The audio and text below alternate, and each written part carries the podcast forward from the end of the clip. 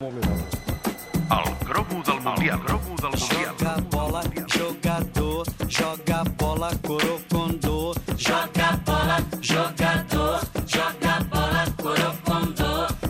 Pol Gustens, bona tarda. Bona tarda, L'home dels cromos, l'home que obre els àlbums del Mundial i ens porta històries vista, vintage. Avui, eh, Pol, el cromo és d'un enfant terrible, un bad boy, Paul Gascoigne. Nascut al nord d'Anglaterra, en un poble a prop de Newcastle, una zona més pobra que no al sud, i podríem arribar a dir que el futbol durant un temps el va salvar de no caure en una vida ruïnosa perquè més endavant ja hi cauria i es ruïnaria una- ell, ell sol. I ara mateix és un alcohòlic que cada dos per tres torna a veure, el tornen a enviar a una clínica de rehabilitació i així successivament. Però mentre jugava, al principi sobretot, doncs es va mantenir més o menys bé. I això era perquè era un tros de jugador. Quan era petit, a, a la classe, el van enganxar firmant autògrafs als seus companys, a primària. A primària, firmar sí, autògrafs? I quan la mestra el va arrenyar, ell li va dir el següent. Estaba practicando la firma de autógrafos en la clase de, eh, geografía. Y la señora eh, pues me dijo, ¿qué diablos estás haciendo? Yo le dije que iba a ser futbolista de primera división y que necesitaba practicar. Respondió que solamente uno en un millón llegan a hacerlo. Yo soy ese uno. Va dir que ell era l'un que arribaria i, i va arribar, de fet. Quin crac, quin crac. Uh, Gascoigne debuta amb el Newcastle, recordareu aquella imatge d'en Vinnie Jones, un altre infant terrible, aquest uh, un pèl més violent, agafant-lo pels testicles, després uh, se'n va al Tottenham Gascoigne i el 1990 explota, explota la gatzamania perquè parlar de Paul Gascoigne en un Mundial és no tenir més remei que transportar-nos a la Itàlia del 1990.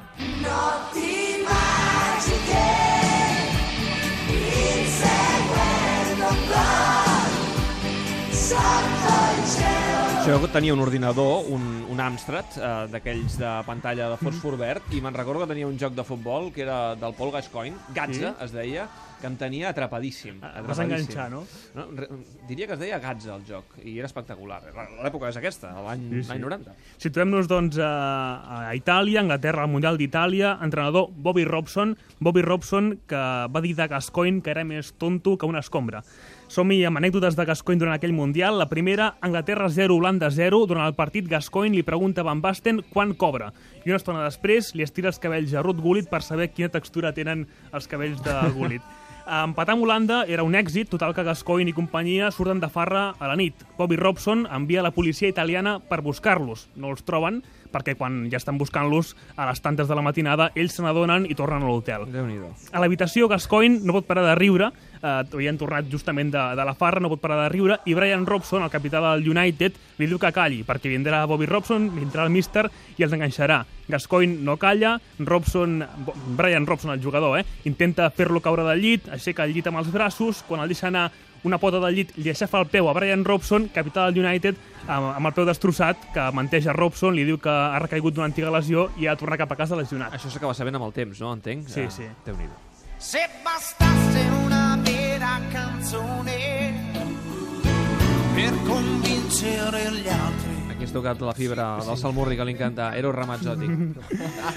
Una altra anècdota, xerrada tàctica abans del partit d'Anglaterra contra el Camerún. Robson, Bobby Robson, els hi posa un vídeo del Camerún. Gascoigne estava avorrit, no es mirava els vídeos. Parla amb els seus companys i es posen d'acord perquè cada vegada que Camerún faci alguna cosa bona al vídeo tothom digui «Uh!» I cada cop que cometin un error diguin «Ah!» Total, que al cap d'una estona tots dient «Uh!» Ah, i cada dos per tres. I Robson acaba, acaba entrant al joc, s'acaba rient eh, amb Gascoigne i companyia.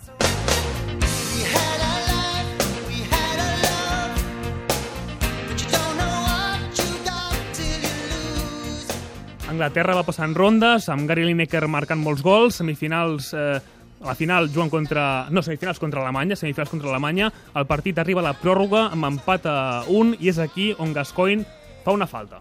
Gascoigne again. He won't be shaken off. And in the end, the German bench get up and protest at Gascoigne's last challenge. He has actually, Gascoigne, got a yellow card. Oh dear. Oh dear me. He's going to be out of the final if England get there. Era la segona del torneig, per tant, no podria jugar a la final en el cas de que Anglaterra... Recordo aquelles imatges. eh, Sí. Pràcticament es posa a plorar. Sí, sí, totalment, es posa a plorar. Eh, una imatge que dona la volta al món, l'inici podríem dir de la gatzamania, Anglaterra perd, acaba perdent els penals, els anglesos s'identifiquen amb els plors de Gascoigne, Alemanya al final jugarà la final contra Itàlia i la guanya, guanya Alemanya, i Gascoigne, però, torna a casa i es converteix en l'ídol de tothom. No me podía creer que no fuera a jugar la final. Por eso lloré. Luego la gente se identificó con eso y cuando volví a Inglaterra todo había cambiado. Empezó la Casa Mania.